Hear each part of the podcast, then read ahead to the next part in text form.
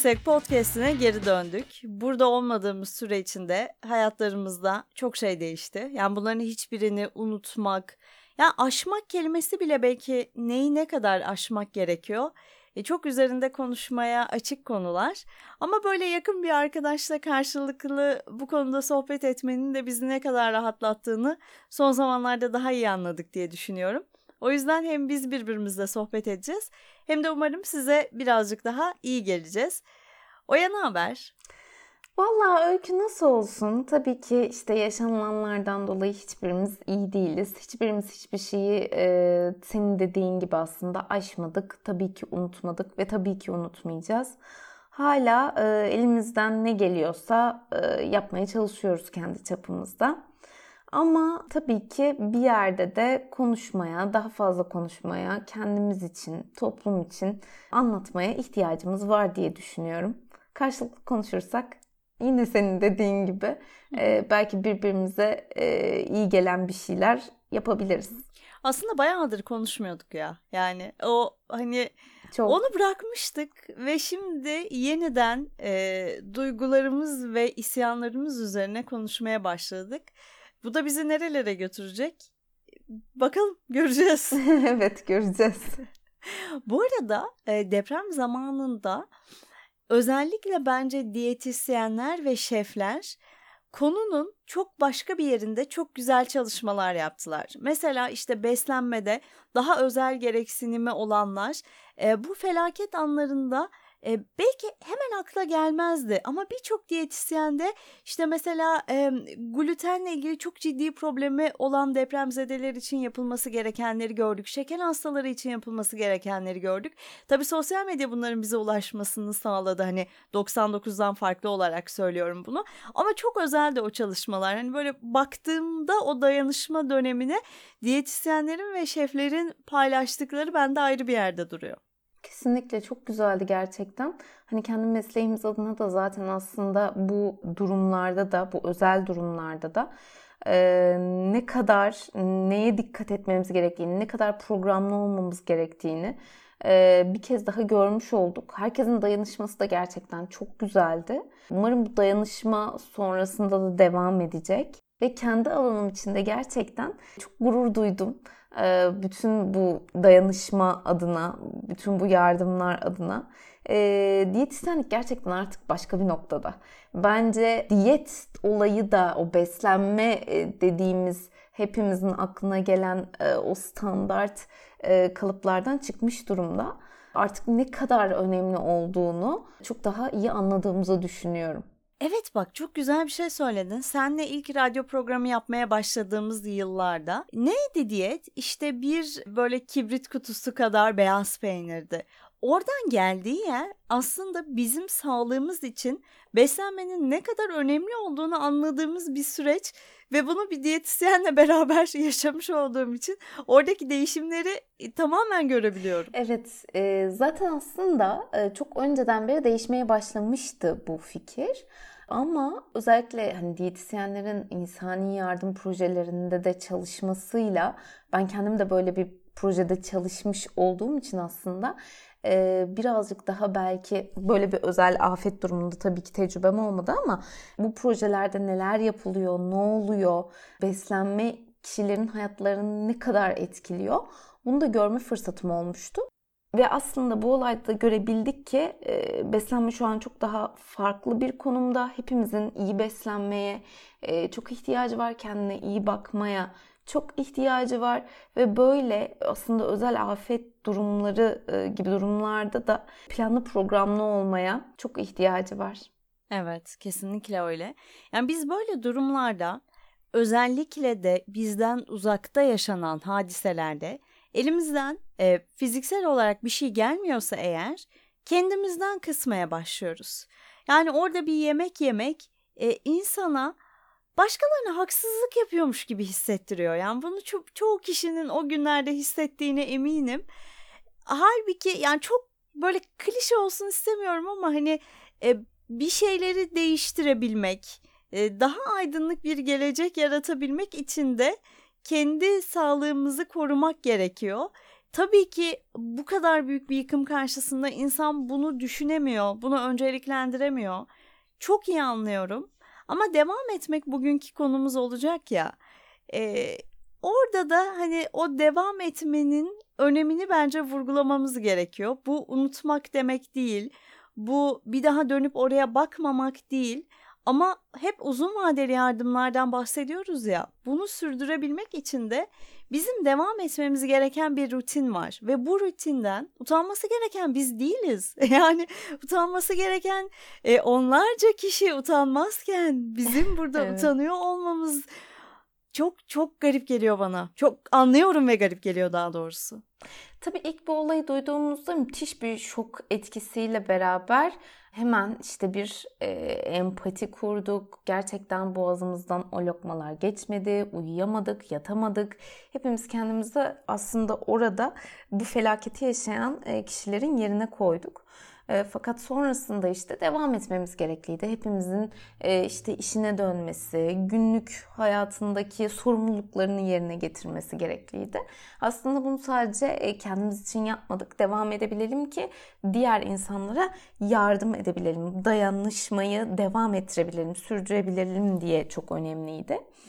Tabii ki unutmak mümkün değil böyle bir felaketi. Ee, ama birlikte yaralarımızı sarmak adına, devam etmek adına ne yapabiliriz? Aslında birazcık bunlar önemli şu an. İşte tam burada devam etmek, dönüp bakmak, iyileştirmek için çaba sarf etmek gerekiyor. Yani bugünün teması bu olacak. Biz bunun üzerine konuşacağız. Devam etmek üzerine. Ama tabii ki gündem sadece felaketler olmayacak. Yarıda bıraktığımız çok fazla şey var. Onları da devam etmeyi konuşacağız.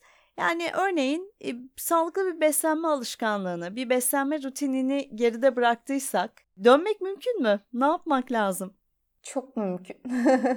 yani aslında hiç mesela bu... çok geç diye bir şey yok mu? Ya hiç hiç geç olur mu? Yani gün günümüze baktığımızda, yani bir günümüzü şöyle bir incelediğimizde bir dolu beslenme tercihi yapıyoruz aslında. Sabah kalkıyoruz ne yesek diyoruz. Ondan sonra işte arada ne içsek diyoruz. Öğlen geliyor ya tekrardan ne yesek. Yani bak hep bir tercihler söz konusu. Şimdi bizde şu var. Sanki başladım ve bunu mükemmel bir şekilde devam ettirmem gerekiyormuş gibi hissediyoruz hepimiz. Halbuki bu şekilde devam ettirmek durumunda değiliz.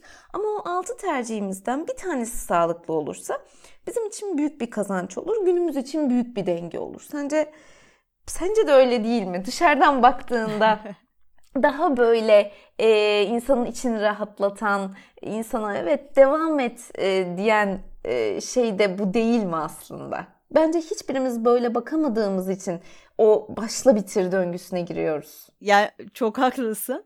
Ama şöyle gibi geliyor herhalde bize. Yani beslenme alışkanlığı oturtmaktan ziyade sevdiğimiz şeylerden vazgeçmek olunca diyet ya hep ya hiç. Yani mesela çikolatayı bırakıyorum. Bir evet. kare bile yersem aman Allah'ım geri döndüm. Halbuki sen çikolatayı bırakma yani. Ya onun başka bir formunu ye ya onu başka bir öğünde dengele. O ilk kurduğumuz ilişki evet. çok yanlış bence. sev, sevdiğimiz şeylerden vazgeçmek bizim diyet ilişkimiz. Nedense evet. bilmiyorum niye öyle. Kendimizi cezalandırma yoluna gidiyoruz aslında. Çünkü yemeği çok seviyoruz ve yememek bir ceza. Evet gerçekten yani bir bedel ödeme gibi bir de. Hani içsel bir rahatlama sağlayacak yemediğimizde. Çünkü işte daha önce çok yedim, çok kilo aldım artık hayır yemeyeceğim dediğimizde psikolojik olarak bir kere kendimizi iyi hissediyoruz. O mahrumiyet duygusu aslında en başta bize haz veriyor. Çünkü o çok yemenin bir şekilde kompanse edildiğini düşünüyoruz. Halbuki o büyük bir, daha da büyük bir mahrumiyete yol açıyor. Sonra ne oluyor? O bozuluyor. Bozulduktan sonra tekrar aynı döngüye giriyoruz. Yani aslında bu çok olası bir şey. Bence kötü olan şey insanın kendini irdelemeyip bunu yapacağını görmemesi. Bu belki hepimizin hayatında işte 10 e, kere yaşadığımız bir şey, 20 kere yaşadığımız bir şey. E, fakat insanın bence bunu yaparken şunu kabullenmesi lazım. Önceden bunu yaşadım tekrar yaşayabilirim. Bunu kabullendikten sonra ama önemli olan şu an başlamak e, ve ben başlamayı seçiyorum derse eğer işte o hayatını aslında bir şekilde dengeye sokmayı kabul etmiş olacak. O mükemmelliyetçilikten vazgeçecek çünkü. Böyle düşünüyorum. Bunu hayatınızın her alanında uygulayın öncelikle. ben de bu şeyden bahsettin ya kısıtlama, mahrum bırakma. E, bu beni çok tetikleyen bir şey. Yani kendim bu süreçte onu öğrendim. Bir şey yemeyeceğim diyorsam veya işte bu aralar kilo aldım biraz tatlıya dikkat edeyim. O bende şöyle yankılanıyor. Tatlı yemen lazım. bu bende çalışmıyor. Ama bunu yapmazsam belki aklıma gelmiyor. Belki küçük bir tatlı yiyorum ve onunla idare edebiliyorum. Dolayısıyla orada belki kendimiz içinde mi bir takım formüller geliştirmek gerekiyor. Ben mahrum kalınca canım istiyor arkadaş evet. diyorum. Böyle mi herkeste? Birçok kişide olay böyle işlemesine rağmen e, şöyle bir geri dönüş oluyor. Ya ben de ya hep ya hiç diyorlar mesela. Hah, bunu duyuyorum. Aslında kimse de ya hep ya hiç yok bence. Ya biz çok sosyal canlılarız bir de. Hani sosyal bir varlık olarak hayatımızı bu şekilde planlamamız imkansız. Evet. Yani sadece öyle yiyeceğim, sadece böyle yiyeceğim. Bu arada şundan bahsetmiyorum. Bir insanın belirli bir beslenme düzeni vardır ve belirli bir beslenme düzenini seçmiştir. İşte veganlık gibi, vejeteryenlik gibi. Şimdi orada hayır siz etsiz yapamazsınız demekle aynı şey değil. Onu kastetmiyorum kesinlikle. Ama hayatınızda olan, size keyif veren e, ve aslında bir gün yiyeceğinizi bildiğiniz bir besini yasaklamaktan bahsediyorum tabii ki. Mesela birçok insanın e, konudan konuya atlamış gibi olacağım ama hani böyle şey furyalar oluyor ya işte ketojenik beslenme bir dönem çok popüler oluyor. Bir dönem glutensizlik çok popüler oluyor. Birçok insanın da o gizlice o mahrumiyet duygusundan haz aldığı için bu tek tip beslenmeyi seçtiğini düşünüyorum ben. Hmm. Yani neyin yasaklandığı önemli değil. Fakat bir yasak var ve bu bana kendimi iyi hissettirecek. Yani bir şey yememek en başta kişiye o önceki yediklerini gerçekten dengelermiş gibi bu hissiyatı veriyor.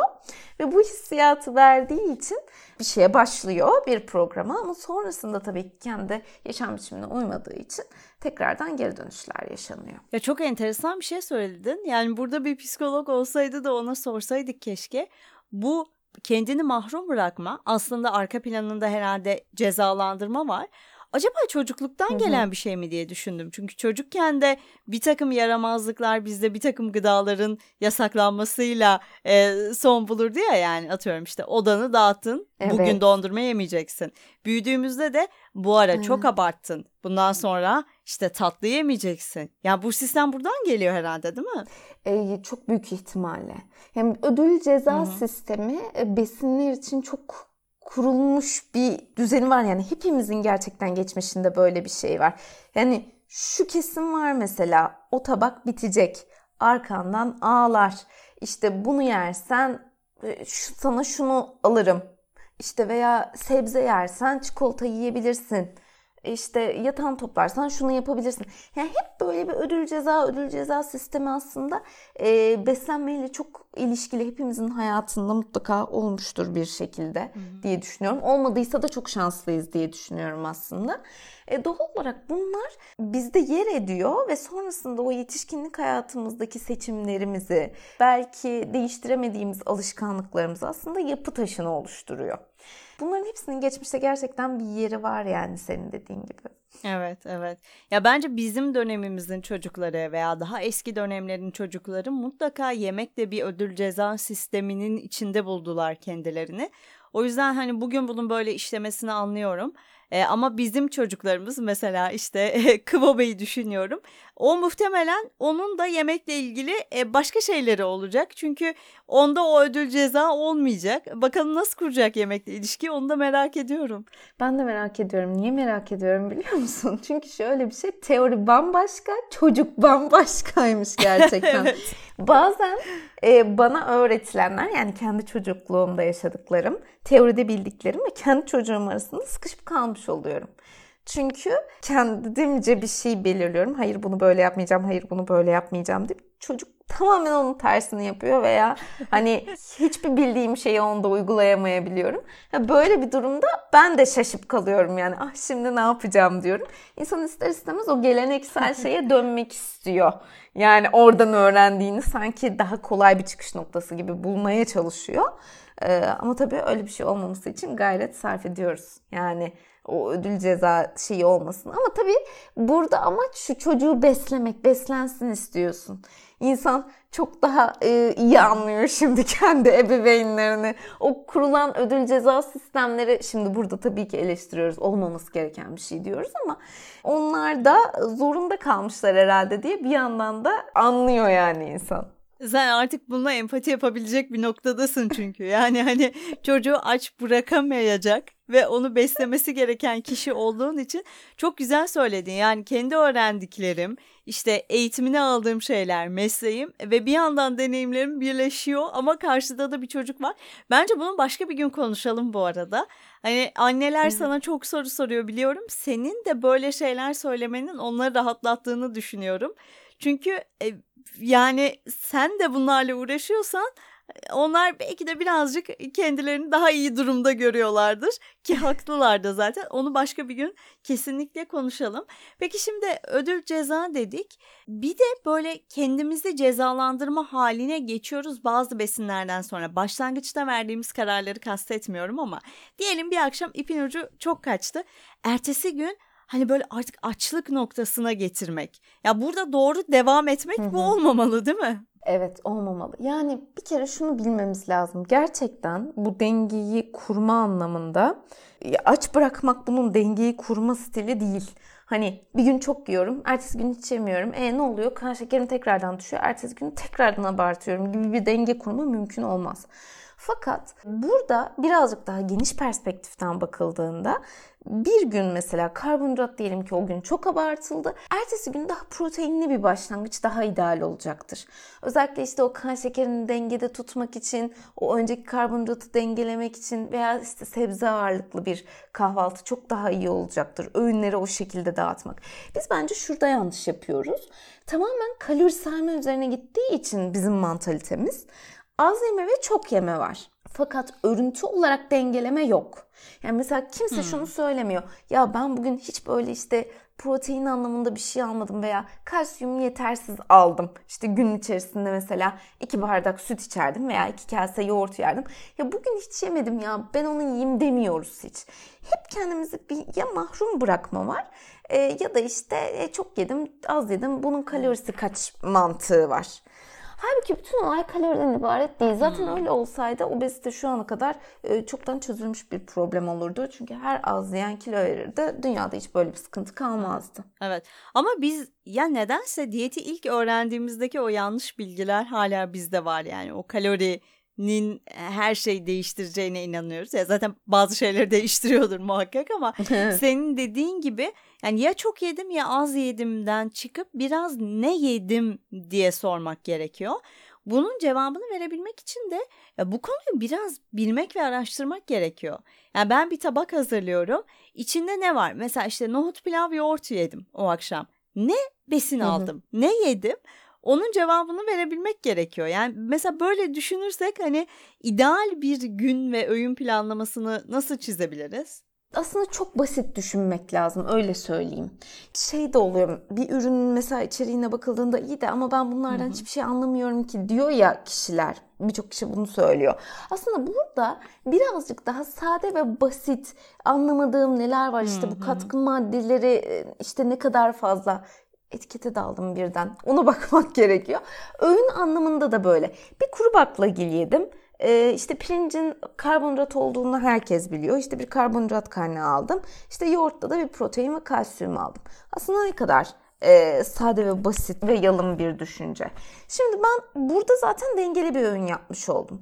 Bunu sabah kahvaltısı ve öğle yemeğinde bu kadar dengeli yaparsam eğer gün zaten dengeli olur aslında. İşte mesela sabah kalktım, yumurtamı, peynirimi yedim. Ne yaptım? Protein aldım. İşte e, zeytin ekledim yanına, bir yağ kaynağı ekledim. Bir dilim ekmek ekledim, bir iki dilim. Ve esmer ekmekte kaliteli bir karbonhidrat kaynağı aldım. Bakıldığında aslında puzzle'ın parçalarını böyle böyle tamamlamış oluyoruz. E, akşam kuru baklagil yedim. Kuru baklagil de bir bitkisel protein. Öğlen istersem hayvansal kaynaklı bir protein de alabilirim. Örneğin işte et, tavuk, balık cinsi gibi. Veya bir sebze de yiyebilirim. Çünkü akşamki de zaten bitkisel protein kaynağı. Tamam işte öğlen bir salata yiyeyim veya şuradaki işte ev yemekçisinden bir sebze alayım. Gördüğün gibi yani kendi içinde aslında e, o melodi oluşuyor. O yüzden birazcık bir bütün halinde düşünmek ve çok basit düşünmek lazım. Evet. Ama her şeyden önce bence bunu yapmadan önce kendine yediğimize bakmak lazım. Ben birçok danışanımla konuşurken şöyle oluyor mesela. O hafta bir şekilde kilosu değişmemiş. Yapıp da kilosu da değişmeyebilir bu arada. Bu da çok normal. Ya bu hafta nasıl bir haftaydı? Ya iyi bir haftaydı ya gayet güzeldi. Sonra bir beslenme günlüğü mutlaka tutmalarını istiyorum. Özellikle böyle işte takıldığımız yerlerde vesaire. Bir günlük tutuyorlar. Aa değişmiş bir şeyler. Bir kere bir şeyler atlanmış. Bir şeylerin yerine başka bir şeyler konulmuş. Şimdi ne oldu? Belki daha az yedi, belki işte miktarınca yedi ama günün örüntüsü değişti. Bu çok önemli. Yani tüm gün boyunca aldığınız e, sadece karbonhidratlarsa isterseniz kendi bazal metabolizmanız kadar işte vücudunuzun yıkabileceği kadar e, kaloride olsun. E, ne oluyor? Yine de vücut depolama ihtiyacı hissediyor. Çünkü protein yok, işte yağ yok, e, yeteri kadar kalsiyum yok. Vücudun ihtiyacı yok yani. Doğal olarak ne yapıyor? Fazlasını depoluyor. Şöyle düşünelim hatta daha da basit bir örnek. Ee, siz bir tatlı yapacaksınız. Neye ihtiyaç var? İşte süte ihtiyaç var, şekere ihtiyaç var. Bir de muza ihtiyaç olsun. Şimdi bunların üçünü şey yaptınız. E siz şeker alıyorsunuz eve, şeker alıyorsunuz, alıyorsunuz. E muz yok, süt yok. Tatlı yapabilir misiniz? Yapamazsınız. Ne yapacaksınız? Şekeri depolayacaksınız. Metabolizma da böyle çalışıyor yani. yani yeteri kadar eğer diğerinden yoksa nasıl tatlı yapacak? O olmaz yani. O iş olmuyor. O yüzden burada olaya sadece kalori bazından artık bakmayıp bir gün örüntüsünde dengeli miyim değil miyim biraz buna odaklanmak gerekiyor. Hep böyle şeyler var ya artık ne yediğime odaklanıyorum. İşte daha böyle hissiyatıma uygun bir şekilde içgüdüsel besleniyorum. Onun aslında e, bizi götürmesi gereken yer burası. Yine bu iç dengeyi bulabilmek. Yoksa ya canım şimdi çikolata istiyor, çikolata yiyorum. Sonra cips istiyor, cips yiyorum. Ama çok iyiyim, sağlıklıyım. Bu da değil. Evet evet ama bak burada söylediğin şeyi bence çok az kişi biliyor. Mesela işte ben şeker almadığımda vücudum şekeri yakmıyor. Vücudum gelen şekeri depoluyor doğru muyum? Ee, fazla aldığında evet. Çok enteresan bir şey değil mi bu? Yani bizim baş etme yöntemimiz tamamen yanlış. Evet, tamamen yanlış. Çünkü vücudun öbürüne de ihtiyaç var. Siz koca bir sistemden bahsediyoruz aslında burada. Yani Evet, onu kandırmak mümkün değil yani. yani aman kardeşim koca bir fabrikada e, sadece belirli bir grup çalışıyor ve siz fabrikanın çalışmasını bekliyorsunuz. Böyle bir şey mümkün mü? Ama bir grup işçi gelmiş yani oraya. Öbür tarafa işçi almamışsınız. Nasıl çalışacak bu insanlar? Öyle düşünmek lazım. Ve her zaman en basit şekilde düşünürsek kendi beslenmemizi de artık o bilgiye ulaşmak gerçekten çok kolay. Yani burada direkt bir mucizeye inanmayacağız. Kendi beslenmemizin çok farkında olacağız. Kendi isteklerimizin de çok farkında olacağız. Nerede ne yeriz, canımız ne çeker, ne yedikten sonra bize iyi gelir, ne gelmez. Çok iyi bir dinleyici olacağız. İşte o zaman her şeyin dengesini kurmak mümkün. Aslında burada şu çok güzel bence. E, cevap bedenimizde. Yani cevabı başka bir yerde aramamıza gerek yok. O çok rahatlatıcı bir şey. Onu bilmek ve kendi bedenini tanımak ve kendi beslenme düzenini oluşturmak. Yani ne yediğine bakacaksın. Ne yediğini yazacaksın ki bu ne yediğini yazmak o beslenme günlüğü senin de değil. Ben de zamanında tuttum. Böyle bir yüzleşme olamaz. Hani hiçbir şey yemiyorum zannediyorsun ama mesela şöyle oluyor. Ofiste kahvenin yanına biri bir şey ikram ediyor. Sen onu saymıyorsun ama onu oraya yazınca görüyorsun ve belki de onların çok gereksiz olduğunu fark ediyorsun. Onları işte çıkarmaya karar veriyorsun. Bir şeylerin eksik olduğunu fark ediyorsun. Yani cevap kendi içinizde ve Bu çok güzel bir şey. Evet. Ya aslında biz diyetleri oluştururken de zaten şey gibi oluşturmuyoruz. Hmm, sadece sana şu kadar kalori, sadece sana bilmem ne böyle bir şey oluşturmuyoruz. Bizde en önemli şey geri bildirimdir gerçekten. O hafta ne yaşadık? Ne yaptık? Ee, en başta kişiler buna çok adapte gelmiyorlar. En başta bir aslında o soruyu ya ben iyi mi yaptım, kötü mü yaptım, az mı verdim, çok mu verdim? Hep böyle ilerler bu olay. Ardından diğer haftalarda görürler ki aa olay bu değil ya, olay başka bir şey. Keyif aldıklarını anlatmaya başlarlar çünkü ondan sonra. Ve şunu çok duyarım sonraki haftalarda.